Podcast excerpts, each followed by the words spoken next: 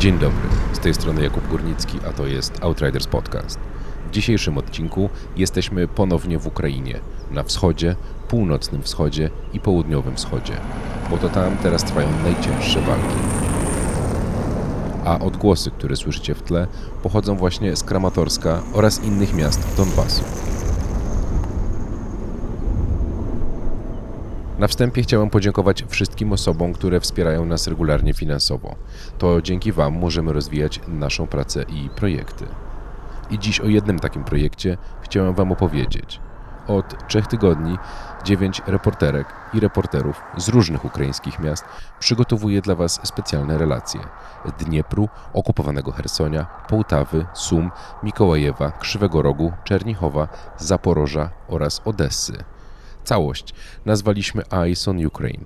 Dzięki temu pokazujemy Wam różne oblicza toczącej się wojny i możecie zobaczyć, jak ona wygląda w różnych miastach. To część naszej pracy w Ukrainie, bo poza nią na miejscu jest też nasz fotoreporter, obecnie w strefach walki i przygotowuje tam dla Was fotorelacje.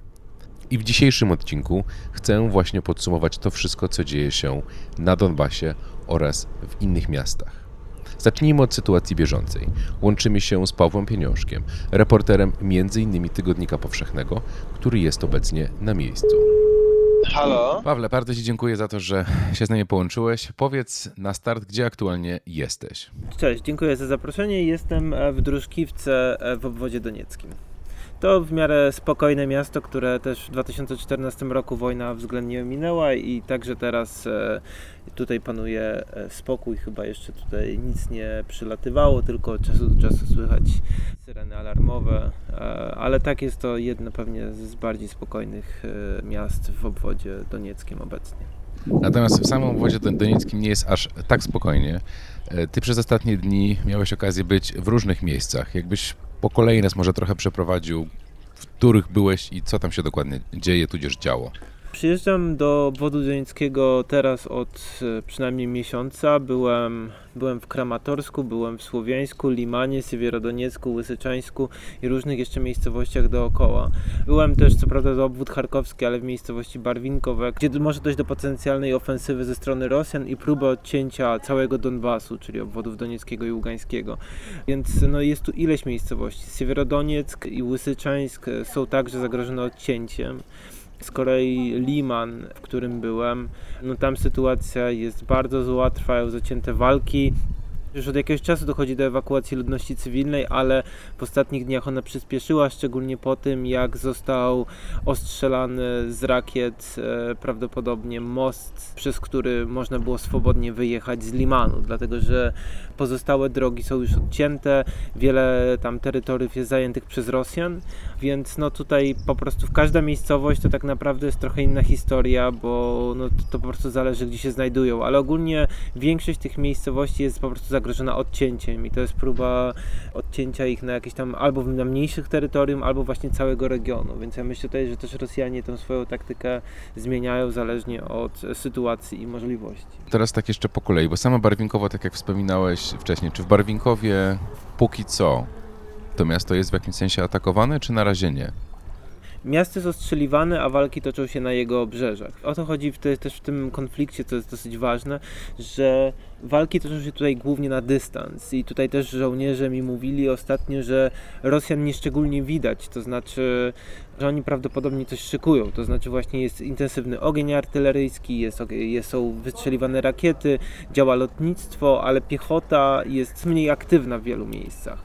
Może poza właśnie Lymanem, ale większość starć, do których dochodzi, to są właśnie ostrzały artyleryjskie, więc jest to walka na dystans. Większość też ran, które odnoszą ludzie, to są rany na skutek odłamków zamków na skutek jakichś, no właśnie działań, nie są to walki bezpośrednie po prostu, więc też z punktu widzenia dziennikarza jest to trudna praca, bo nawet jak przyjeżdżasz na front, to nie widzisz tak naprawdę tych walk bardzo często, no widzisz tylko co jakiś czas ostrzały artyleryjskie, czy właśnie naloty, ale nie ma tam jakiegoś takiego e, ruchu, no, główną pracę wykonuje teraz artyleria. A jeżeli chodzi o ewakuację cywilów, zarówno tą taką jakby samoczynną, dobrowolną, jak i tą bardziej zorganizowaną.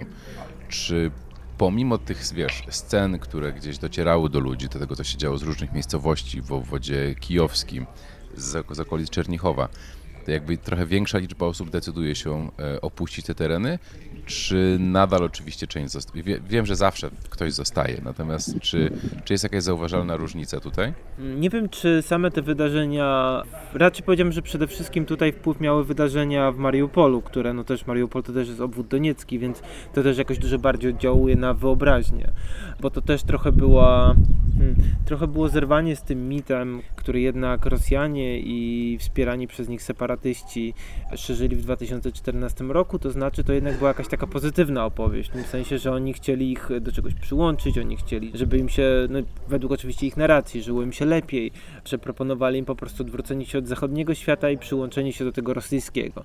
A tutaj tak naprawdę wiele osób przejrzało na oczy po tym, jak po prostu te miasta były niszczone, równane z ziemią. Nie wiem, w Charkowie spotykałem na przykład ludzi, którzy raczej mówili o tym tak nieśmiało, że mieli poglądy prorosyjskie, a ale z powodu 24 lutego to się zmieniło i z powodu tego, co doświadczyły ich miasta, to jak traktowano ludność cywilną, więc tutaj ta tak naprawdę pozytywna opowieść jakaś, e, ten jakiś soft power już zupełnie zniknął i została tylko, zostały tylko działania zbrojne, więc to część osób przekonuje. Oczywiście też jest ileś osób, które czekają na Rosjan, którzy mimo tych zniszczeń, mimo tych zagrożeń chcieliby, żeby, żeby Rosja przejęła kontrolę nad tymi miejscowościami, które są cały czas kontrolowane przez Ukrainę.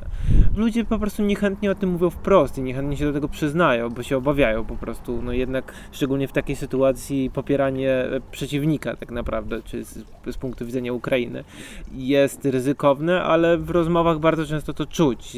Zadają takie pytania, na przykład nie wierzą w to, że co się stało w Buczy, uważają, że to są nieprawdziwe informacje, że te działa były podłożone na przykład, że to tak naprawdę Ukraińcy ostrzeliwują albo właśnie zwalają winę na Ukrainę, więc e, takie nie wprost, ale dające jasno do zrozumienia, po której się jest stronie, to tak, to takich ludzi spotykałem stosunkowo no ileś spotykałem. Więcej bym powiedział, że jednak spotykałem tych, którzy są na Rosję źli, którzy jednoznacznie występują po stronie Ukrainy, ale nie mogę powiedzieć, że tamtych ludzi też nie ma. Jest ich, jest ich stosunkowo wielu, chociaż oczywiście jakie to są proporcje, czy jest to 20%, czy to jest 10%, no nie wiemy tego po prostu, bo, bo też takich żadnych badań nie ma. Ta ofensywa na Donbasie, na południowym wschodzie i na... A, przepraszam jeszcze.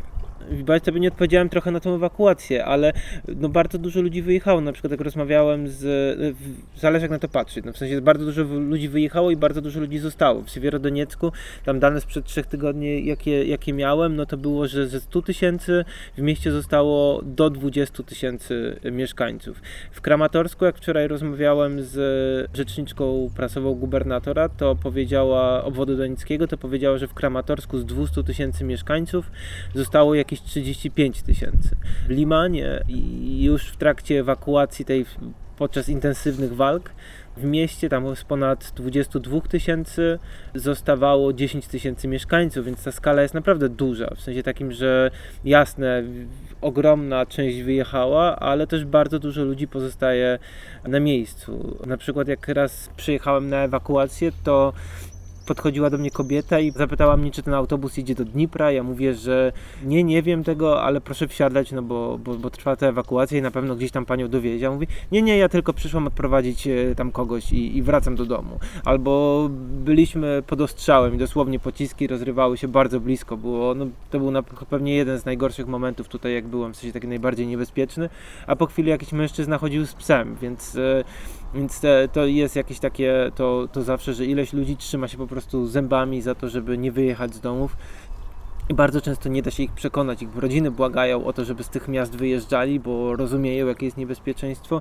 No ale wielu tych członków rodziny, szczególnie starszych, bardzo, bardzo trudno jest przekonać. I tak naprawdę, dopóki sytuacja nie jest naprawdę zła, to ludzie się nie decydują na wyjazd. No a to też jest trochę taka zamknięte koło, no bo kiedy sytuacja staje się naprawdę zła, no to bardzo trudno tą ewakuację przeprowadzić. Ktoś musi ryzykować swoim życiem, żeby wywieźć e, ludzi, dlatego że iluś wolontariuszy już na przykład zginęło w trakcie próby czy dostarczania pomocy humanitarnej, czy w trakcie wyjazdu. Na przykład policja w Limanie, która się zajmuje ewakuacją, oni wywożą ludzi w e, samochodach opancerzonych teraz już obecnie, no dlatego że intensywność ostrzałów jest dosyć wysoka, więc, więc ta ewakuacja wiąże się z ryzykiem, dlatego też tutaj władze obwodowe już od, od tygodni apelują tak naprawdę, niemal od początku, no tam nie od początku, ale może jakieś dwa tygodnie po rozpoczęciu tej ofensywy rosyjskiej z 24 lutego, jak jeszcze Donbas był no, względnie spokojny, znaczy niektóre miasta były względnie spokojne, to oni apelowali, żeby wyjeżdżać i wówczas bardzo mało osób e, tego chciało, chciało to zrobić, więc tak naprawdę dopóki jest możliwość wyjazdu, jest bezpieczna możliwość wyjazdu, no ludzie powinni z tego korzystać, no ale też można zrozumieć tych, którzy boją się po prostu zaczynać wszystkiego od nowa, którzy boją się porzucić domów, też e, dlatego, że wielu ludzi na, w Donbasie, szczególnie starszych, bardzo, jest bardzo mało mobilnych i ja rozmawiałem z osobami, które na przykład ostatni raz wyjeżdżały gdzieś tam poza obwód, w którym mieszkał Ługański czy Doniecki w czasach Związku Radzieckiego. Więc to też jest jakaś taka wielka obawa, no bo jedziesz praktycznie w nieznane i musisz wszystko zacząć od nowa. Ta ofensywa trwa już, jakby ta druga część wojny trwa już parę tygodni, ale czy ty widziałeś jakieś większe przełamanie, albo masz jakieś informacje o tym, że te walki mogą faktycznie przybrać jakąś inną formę w najbliższym czasie? Trudno powiedzieć, dlatego że no tutaj cały czas się tak coś. E, coś buzuje, coś tutaj trwa i są jakieś takie ruchy, powiedzmy, tektoniczne, więc, ale nie ma jakiegoś takiego dużego przełamania. W sensie do niego może dojść w każdej chwili. Właśnie to też jest kwestia tego, że, że jednego dnia na przykład, nie wiem, jak jeździłem do Lemanu, no to jednego dnia było tam bardzo spokojnie, drugiego dnia było tam makabrycznie, a, a trzeciego było znowu względnie spokojnie, więc, więc e, ta sytuacja też się bardzo zmienia i, i te ataki są prowadzone z różnych miejsc. Ja myślę, że Rosjanie to po prostu też próbują znaleźć słabe miejsca w obronie i gdzieś się szykują do jakiegoś pewnie większego ataku, no bo to, że ta ofensywa będzie kontynuowana przez rosyjską armię, no to nie ma co do tego wątpliwości. Pytanie jest właśnie, gdzie nastąpi to główne uderzenie i jaki jest tu plan. No są widoczne te właśnie próby odcięcia albo całego regionu, albo jakichś pomniejszych sektorów. No i myślę, że, że to, będą, to będą te działania, ale to nie wygląda jakoś w sensie tak aż spektakularnie. Ta ofensywa tak e, trochę pełznie, w sensie takim, że to jest zajęcie czasami jednej miejscowości, potem na przykład ukraińska armia odbije, potem ją znowu straci i to czasami tak trwa ileś dni. Ale w którymś tam momencie ta obrona może zostać przerwana i, i sytuacja się zmieni diametralnie, więc po prostu zagrożenie ciągle wisi nad Donbasem. Natomiast wojna w Donbasie trwa już od 2014 roku. I o niej oraz o znaczeniu Donbasu porozmawiamy z Piotrem Andrusieczko. Halo? No cześć, jak mnie słyszysz? Słyszę cię dobrze. Piotrze, dużo się teraz oczywiście mówi o wojnie w Donbasie, na Donbasie. Ponownie też mamy tutaj to wy, na, także będziemy sobie pewnie tutaj używać zamiennie. Natomiast wcale tak nie jest, że wojna dzieje się aktualnie tylko i wyłącznie w Donbasie, no bo pomijamy w ten sposób również południe Ukrainy. Także jakbyś może na początek zdefiniował nam dokładnie, w których rejonach jak możemy się do nich, nie wiem, nawet nazywać je, dzieją się aktualnie no, te główne działania wojskowe. To może zaczniemy od y, północy tak naprawdę, czyli mamy cały czas okolice Charkowa, czyli w obwodzie charkowskim też cały czas są żołnierze rosyjscy i tam się toczą również działania militarne trwa wojna i jednym z takich głównych kierunków też uderzenia to jest y, rejon miejscowości Izium, gdzie rosyjskie wojska próbują przebić się na południe, przebić ukraińską obronę. Tuż na południe to jest kierunku obwodu donieckiego, po to, żeby okrążyć y, walczące, broniące się oddziały ukraińskie na Donbasie. A dalej to jest cała ta linia, y, linia frontu, która przebiega przez jeszcze kawałek cały czas y, obwodu ługańskiego, który tam mniej więcej 20% jest pod kontrolą y, sił ukraińskich, tego obwodu. Dalej to jest obwód doniecki i na południu to jest obwód zaporowski i pogranicze obwodu hersońskiego i mikołajewskiego, gdzie również toczą się zaciekłe walki. Mniej więcej to wygląda tak, że mamy taką północno-wschodnią, wschodnią część Ukrainy i południe Ukrainy. Dobrze, to teraz jak mówimy Donbas, to co dokładnie mamy na myśli? Tak, żeby też to dokładnie przybliżyć tutaj słuchaczom. Mamy dwa obwody tak naprawdę, czyli obwód y, doniecki i ługański. Tak jak mówiłem, w przypadku obwodu ługańskiego to znaczna część tego obwodu znajduje się już pod kontrolą rosyjską. No to jest spowodowane tym, że y, w odróżnieniu od obwodu donieckiego, obwód ługański bezpośrednio graniczył z Rosją co spowodowało, że 24 lutego Rosjanie atakowali nie tylko wzdłuż tej tak zwanej linii rozgraniczenia na Donbasie, która przebiegała właśnie przez obwód Ługański i Doniecki, ale mogli bezpośrednio wejść no można powiedzieć, trochę na tyły wojsk ukraińskich, co spowodowało, że no, udało mi się bardzo, nie powiem, że bardzo szybko, ale w miarę szybko jednak zająć właśnie tę część obwodu ługańskiego. Dalej mamy obwód doniecki, który, jeżeli spojrzymy sobie znowu na tę linię rozgraniczenia, to tak naprawdę tam niewiele się zmieniło. Natomiast y, udało się Rosjanom zająć południe tego obwodu, czyli no przede wszystkim tutaj oczywiście mam na myśli miasto Mariupol, no, w którym toczą się cały czas walki, ale jednak cała ta okolica wokół Mariupola została zajęta przez, y, przez Rosjan aż do, na północ od Mariupolu, to jest kilkadziesiąt kilometrów na północ, ten obszar również został zajęty, między innymi tam taka bardzo ważna miejscowość jak Wołnowacha, o którą też toczyły się zacięte walki i w zasadzie linia frontu przebiega teraz na północ od Wołnowachy, to jest między innymi Wugledar, taka miejscowość, czyli no można powiedzieć, że to południe obwodu donieckiego również zostało zajęte przez Rosjan i oczywiście tutaj pamiętajmy cały czas, że Część obwodu donieckiego, ługańskiego 2014 roku znajdowała się pod kontrolą tak zwanych republik, czyli tych samozwańczych republik donieckiej, Ługańskiej Republiki Ludowej. No właśnie, bo teraz cofając się do samego początku, do 24 lutego, no jest w pewnym sensie taki problem, być może teraz jest już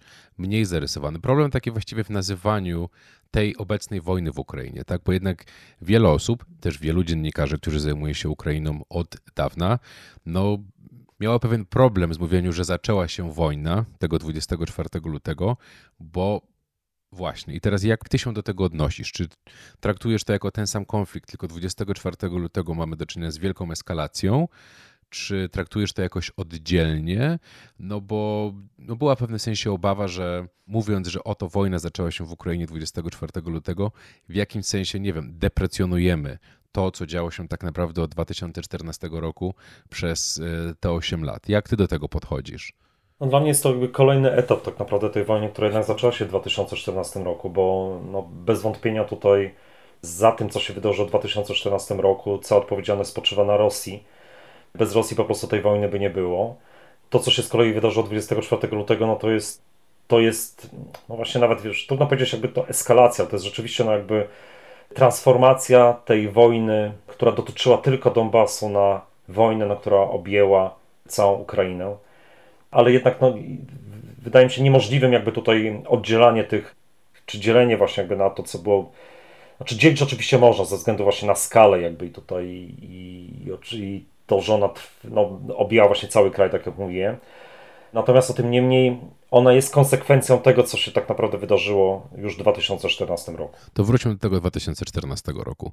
Ty pojawiłeś się w Ukrainie tak powiedzmy w 2013 roku. Oczywiście wiem, że miałeś wcześniejsze podróże i tak dalej, ale wpierw relacjonowałeś wydarzenia z Majdanu, które właściwie przeszły no, w aneksję i potem również w tą wojnę w Donbasie, która rozpoczęła się w 2014 roku.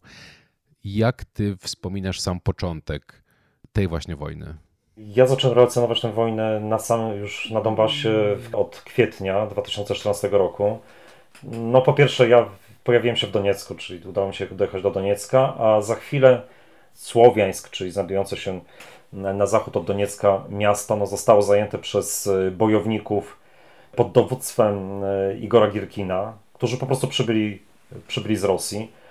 I w Słowiańsku ja pojawiłem się chyba dwa czy trzy dni po tym, jak oni zajęli to miasto i to już było coś zupełnie innego niż, e, niż to, co do tej pory obserwowano na Donbasie. No, bo wcześniej oczywiście no, były różnego rodzaju przejęcia urzędów, e, budynków administracji przez rosyjskich separatystów, gdzieś tam pojawiała się broń, ale tutaj jednak w Słowiańsk został już zajęty przez ludzi umundurowanych, uzbrojonych, bez e, naszywek które identyfikowałyby je jakby z rosyjskimi siłami, ale tym niemniej to byli ludzie, którzy przybyli z Rosji, którzy byli szkoleni przed tym e, na Krymie, który był już zajęty przez e, Rosjan. No i to była swego rodzaju specjalna operacja. Ten Słowiańsk to nie był przypadkowy wybór, chociaż tam co prawda początkowo było chyba inne miasto wyznaczone do zajęcia, ale ten Słowiańsk no, w zasadzie był ważnym miejscem z punktu widzenia, takim strategicznym z punktu widzenia właśnie lokalizacji, ponieważ on był głęboko jakby oddalony od granicy z Rosją, czyli głęboko w zasadzie, no, można powiedzieć, na zachodzie tego obwodu donieckiego. takim północno-zachodnim y, krańcu tego obwodu, co dawało też wyjście na miasto, na obwód charkowski. Ważny środek komunikacyjny, ważny środek przemysłowy, obok jest Kramatorsk, to, to na, tak naprawdę są dwa miasta, które są połączone, w zasadzie tam między nimi jest niewielka odległość. No i to powodowało, że umożliwiało jakby dalszą ekspansję, czyli jak minimum zajęcie całego Donbasu, a możliwe również dalej jakby pójście właśnie na obwód charkowski. I to, to, że to miasto jest ważne, no świadczy chociażby mm, to, co się dzieje obecnie, dlatego że no tak jak ja wspominałem, te walki wokół Iziumu i to natarcie właśnie rosyjskie, zajęcie najpierw miasta Izium, a później dalsze próby nacierania, to tak naprawdę jeden z tych głównych kierunków to właśnie jest Słowiańsk, po to, żeby no, odciąć główne te siły, które znajdują się na froncie na wschodzie ukraińskie, które znajdują się na wschodzie, na tym wschodnim froncie. Więc no to, to jest ważny ośrodek i, i wtedy to miasto było, e, było zajęte razem z Kramatorskiem, no jak dobrze pamiętam, do lipca. Już teraz dokładnie nie pamiętam, którego lipca zostało e, wyzwolone przez e, ukraińskie siły. Gierkin razem ze swoimi żołnierzami czy bojownikami, tak, oni się wycofali do Doniecka. No i od tego czasu praktycznie można mówić o takim już konflikcie na pełną skalę wojennym, dlatego że lato to już było w zasadzie użycie wszystkiego, co, co było pod ręką w takim arsenale, zarówno po stronie bojowników, czy to, co oni dostawali z Rosji, jak i po stronie ukraińskiej, czy chyba używane były czołgi, broń pancerna, artyleria na, na dużą skalę. W zasadzie to wszystko, co widzimy teraz, bo nawet były używane również e, samoloty, chociaż one dosyć szybko zaprzestały ich używania, strona ukraińska zaprzestała ze względu na poniesione straty to w zasadzie wszystko to, co widzimy teraz, tylko to, teraz oczywiście to jest o wiele większa skala. Czyli mówisz, że wtedy mniej więcej od kwietnia do lata. A w którym momencie tamta wojna przeszła w taki tryb trochę zamrożony. Znaczy ona tam była, ale już wiadomo, media też przestały się nią aż tak interesować, tylko sporadycznie już tak naprawdę pojawiały się potem doniesienia, głównie w momencie, w którym no, doszło do jakiegoś ostrzału, który wiadomo przecież trwał tam właściwie non-stop, może nie na taką skalę jakąś wielką, ciągłą, ale jednak też ginęli żołnierze przez 108 lat, no cały czas. No tak, no rzeczywiście to taka aktywna faza tej wojny miała miejsce gdzieś do lutego, mniej więcej do połowy lutego 2015 roku. I to rzeczywiście w tym 2014 roku, od lata do końca, do właśnie tego do lutego 2015 roku, to były bardzo takie no, starcia na dużą skalę. I też trzeba tutaj powiedzieć, że Ukraińcom, po tym właśnie jak wyzwolony został Słowiańsk, Krematorsk, oni praktycznie przejęli inicjatywę. To znaczy udawało mi się, udało mi się znaczną część tego Donbasu, tych obwodu dońskiego i ługańskiego zająć.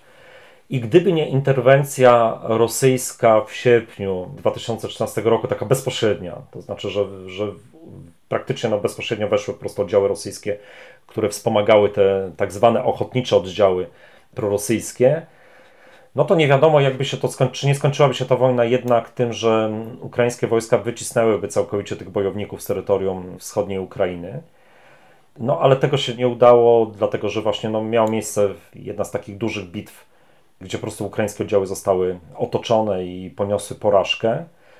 Później mieliśmy podpisanie potem we wrześniu pierwszych takich porozumień mińskich, które miały no, spowodować przejście na ten taki tryb dyplomatyczny, do czego nie doszło tak naprawdę, dlatego że jakby no, dalej walki na dosyć dużą skalę się odbywały. Był broniony cały czas lotnisko w Doniecku praktycznie do końca stycznia 2015 roku.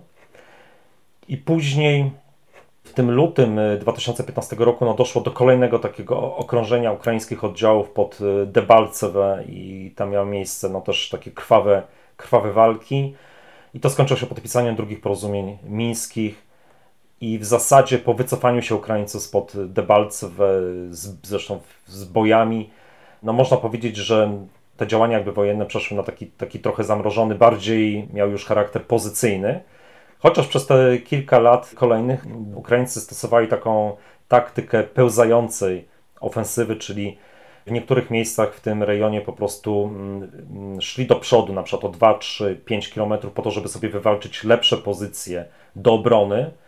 I jak się okazuje, to była bardzo skuteczna taktyka, dlatego że te lepsze pozycje powodują, że dzisiaj oni no, od tej bezpośrednio od strony wschodniej bardzo dobrze się bronią i tak naprawdę no, y, tutaj w obwodzie donieckim niewiele się zmieniło, jeżeli patrzymy na ten taki no stricte tą wschodnią ścianę tych ukraińskich pozycji. A potem mamy 2015 rok. W związku z czym do tego czasu mija 7 lat. Więc może zacznijmy od tego, żeby tak pokrótce streścić. Po pierwsze, jaki wpływ zajęcie no, tych dwóch fragmentów, tych dwóch obwodów, ale jednak z dwoma dużymi miastami, miało na taką, na, na w szczególności na gospodarkę ukraińską?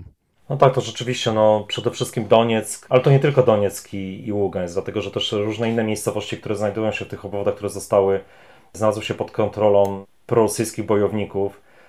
To jest mnóstwo, Gorłówka, Jenakijewe, Harcysk, tam wszędzie są, to jest przemysł ciężki, który no, generalnie Donbas jakby no jest tak stereotypowo, jeżeli myśleć o Donbasie, no to jest, są kopalnie i zakłady metalurgiczne, ale oczywiście tych y, różnego rodzaju działalności gospodarczej tam było wiele więcej. I to oczywiście no, to spowodowało, że jakby to, to było znaczące uderzenie po ukraińskiej gospodarce, no chociaż ona sobie dosyć szybko też bez tego Donbasu porodziła, to znaczy no, pamiętajmy, że na przykład jednym z takich, no, nie jednym, tylko tak naprawdę największym gospodarzem w obwodzie donieckim był najbogatszy Ukrainiec y, Achmetow, który no, ten najważniejszy oligarcha ukraiński, który rzeczywiście stracił bardzo dużo, jeżeli chodzi o, o zakłady, kopalnie, które się znalazły właśnie pod kontrolą prorosyjskich bojowników.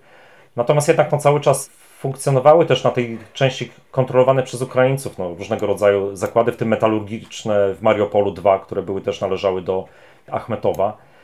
Cały czas no, w Kramatorsku, w Słowiańsku też różnego rodzaju zakłady produkcyjne to była trudna sytuacja, ale tak naprawdę mm, przez te wszystkie ostatnie lata to ten Donbas, który pozostawał pod kontrolą ukraińską, on naprawdę zmieniał swoje oblicze. To znaczy to rzeczywiście to te miasta, których nikt wcześniej nie słyszał, właśnie takie jak Kramatorsk i Słowiańsk, chociaż one to są dosyć ważne i tak duże ośrodki przemysłowe, stosunkowo duże.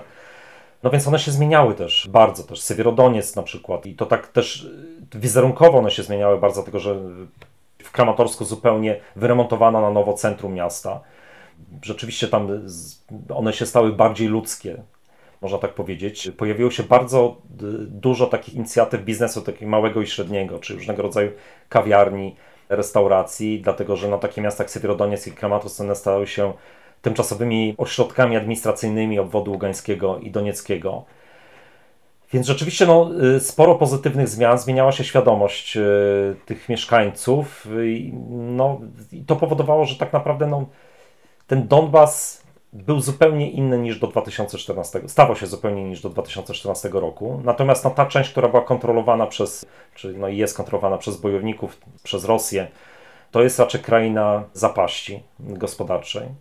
Te wszystkie zakłady, one nie tyle, że one nie przestały funkcjonować, ale po prostu no, ich powiedzmy, że gdzieś tam pracują na 20, 30%, 40%, które rzeczywiście zostały zamknięte. Część kopalni została zamkniętych więc generalnie tak zwane republiki no raczej nie, nie były przykładem dobrobytu i rozwoju.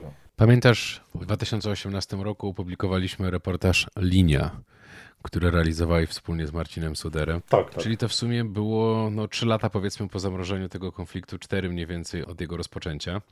Też przypominając y, dla tych, którzy go nie znają, a link do niego znajdziecie w opisie, to był taki pomysł Piotra, który polegał na tym, żeby przejechać całą tą linię właśnie rozgraniczenia, która bodajże y, ona wynosiła 450 km, tak? Jeśli się tutaj...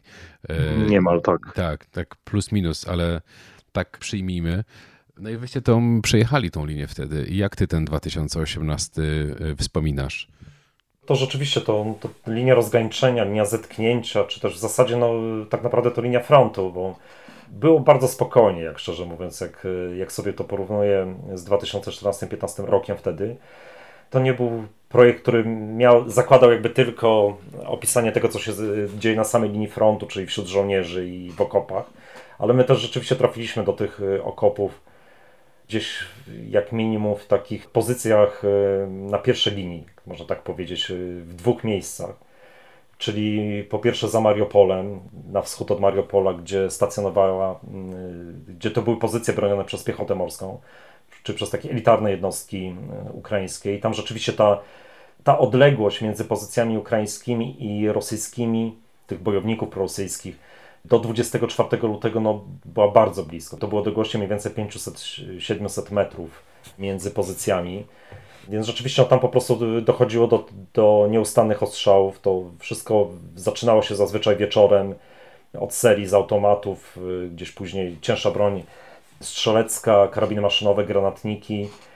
I tak mniej więcej wyglądało to na tej linii, chociaż też zdarzało się użycie artylerii, moździerzy, czy też cięższej artylerii, którą no, bojownicy strzelali po ukraińskich y, pozycjach.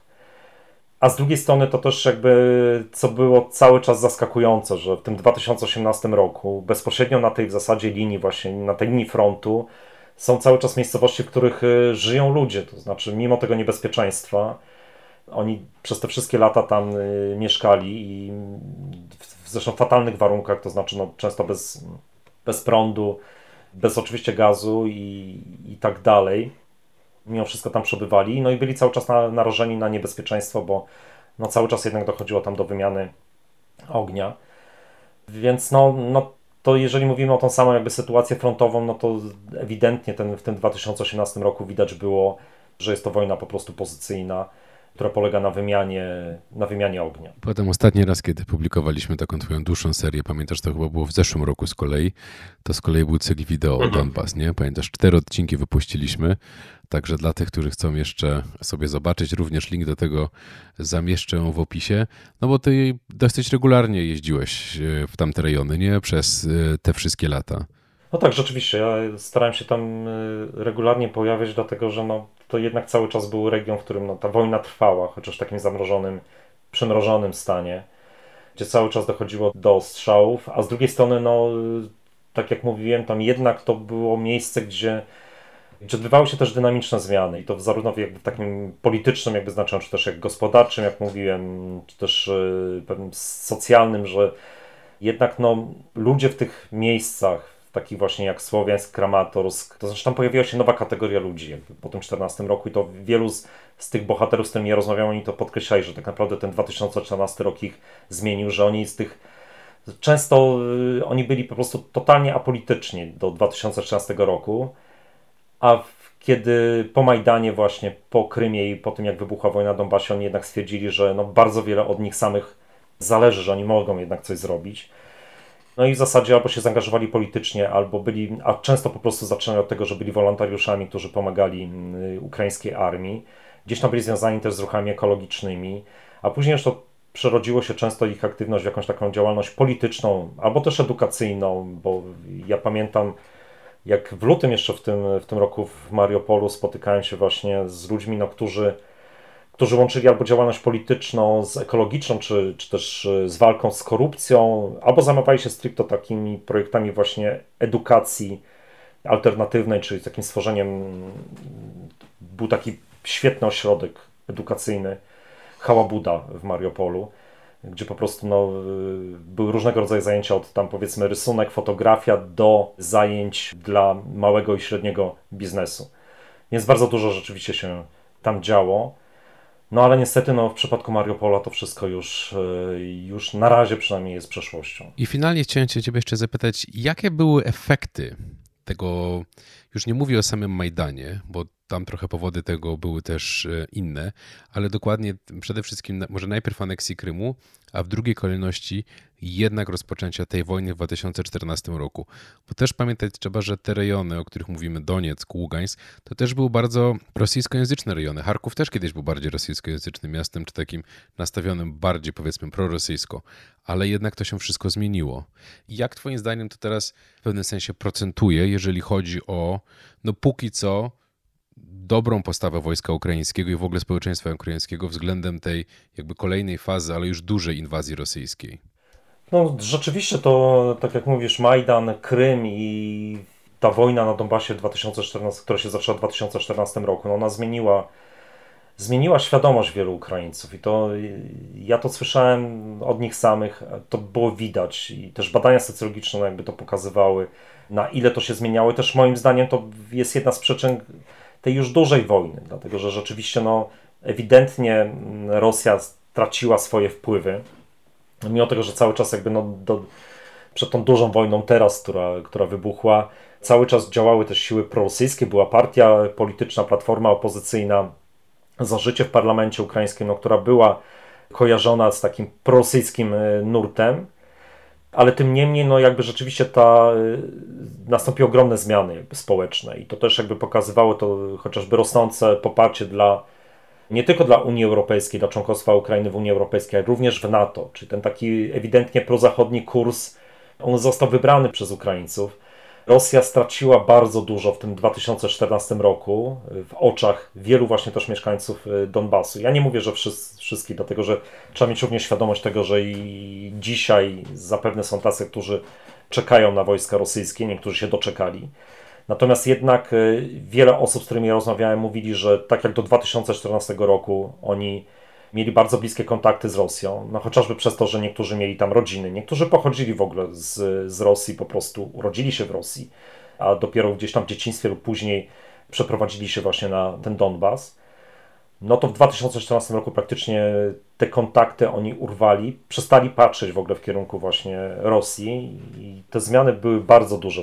Ja sobie przypominam taką rozmowę z lutego tego roku w Mariupolu, kiedy jeden właśnie z takich ukraińskich aktywistów y, mówił mi, że no jego syn już po prostu przestał jakby w ogóle zwracać uwagę na to, co się dzieje w Rosji z punktu widzenia na przykład kultury. Tak? Czyli chłopak ma 17 lat, ale przestał słuchać muzyki rosyjskiej, przestał oglądać filmy rosyjskie i po prostu zintegrował się w tę kulturę zachodnią. I ja myślę, że takich przykładów było bardzo wiele. Natomiast to, co zrobiła Rosja teraz jeszcze, czyli tego 24 lutego, no to wszystko spotęgowało. Znaczy tutaj rzeczywiście to już złamało chyba ostatnich tych, którzy jeszcze myśleli no, w kategoriach takich, że no przecież to jednak y, właśnie łączą nas jakieś bliskie więzi, no okej, okay, to tylko Putin, dobrze na, zabrali Krym, y, napadli na Donbas, no ale to, to w zasadzie możemy mówić tylko o tej polityce y, oficjalnej, o polityce Kremla, tak naprawdę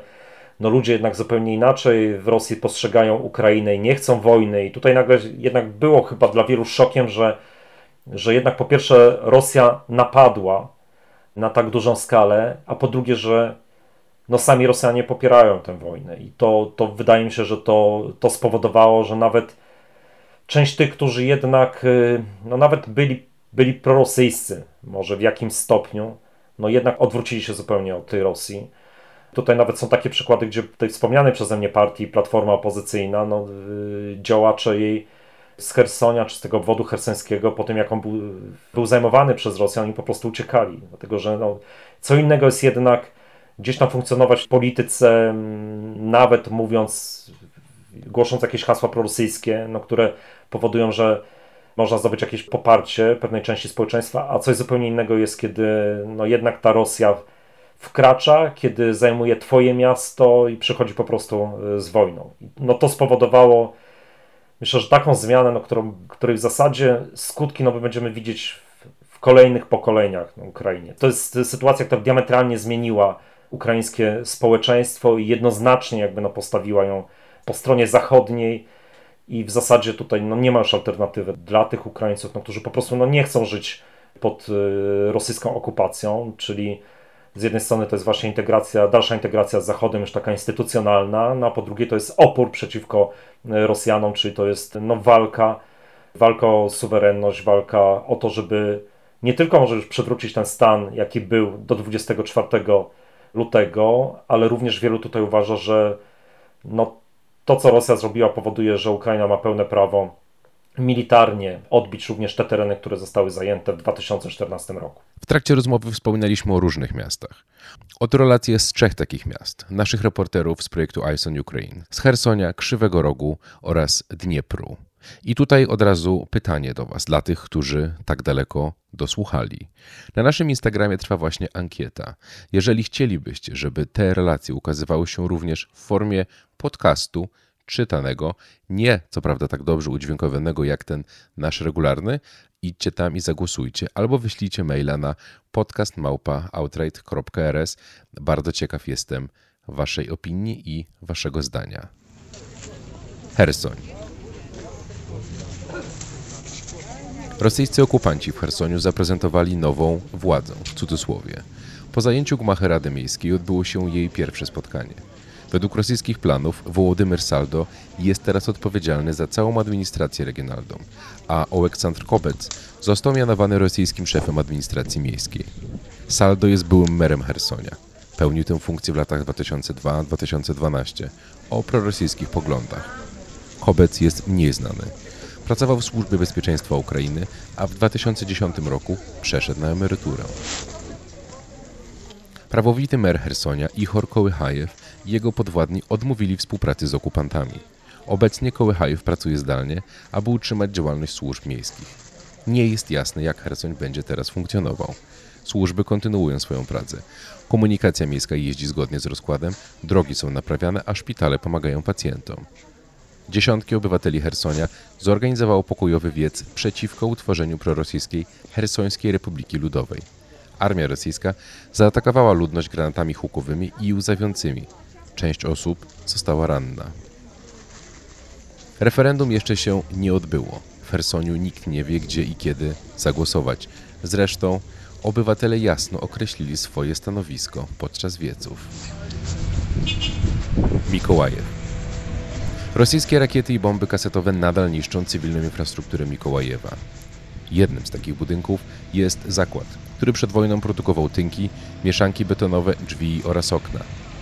Pewnej nocy pocisk manewrujący uderzył w fabrykę i zniszczył działo oraz hale przedsiębiorstwa. Po rakiecie na zakład spadły jeszcze bomby kasetowe, rujnując resztki tego, co z niego zostało. Właściciele nie mogą nic usunąć ze zniszczonej posesji z powodu ciągłego ostrzału. Krzywy Róg. Ochotnicy z tego miasta rozpoczęli produkcję granatów dymnych na potrzeby działań wojennych. Większość wolontariuszy reprezentuje organizację pozarządową Zalizna Sotnia. Projekt powstał dzięki profesjonalnej wiedzy wolontariusza Danyla Honczara, aktywnego udziału zespołu oraz wsparciu mieszkańców. Ludzie dawali nam parafinę, azotany, pojemniki i uchwyty, składniki granatów dymnych. Jesteśmy też bardzo wdzięczni wszystkim, którzy codziennie przynoszą nam jedzenie. To największa motywacja, mówi inicjator produkcji Denis Dubow. Ukraińska armia otrzymała tysiące takich granatów. Personel wojskowy twierdzi, że dzięki tej broni rozbił 35 rosyjskich jednostek transportowych. Wszystko, co wyprodukowała zalizna sotnia, trafia na front i służy do walki z rosyjskim najeźdźcą. Wolontariusze zachęcają każdego do pomocy rzeczowej i finansowej na rzecz budowy granatów. To były relacje z trzech miast. Takich relacji produkujemy kilkanaście w tygodniu i możecie je znaleźć na naszym Instagramie oraz w innych mediach społecznościowych. A kolejny odcinek podcastu już za parę dni, a w nim o trwających protestach w Armenii. Przygotowujemy dla Was relacje, oczywiście też będąc na miejscu. Do usłyszenia.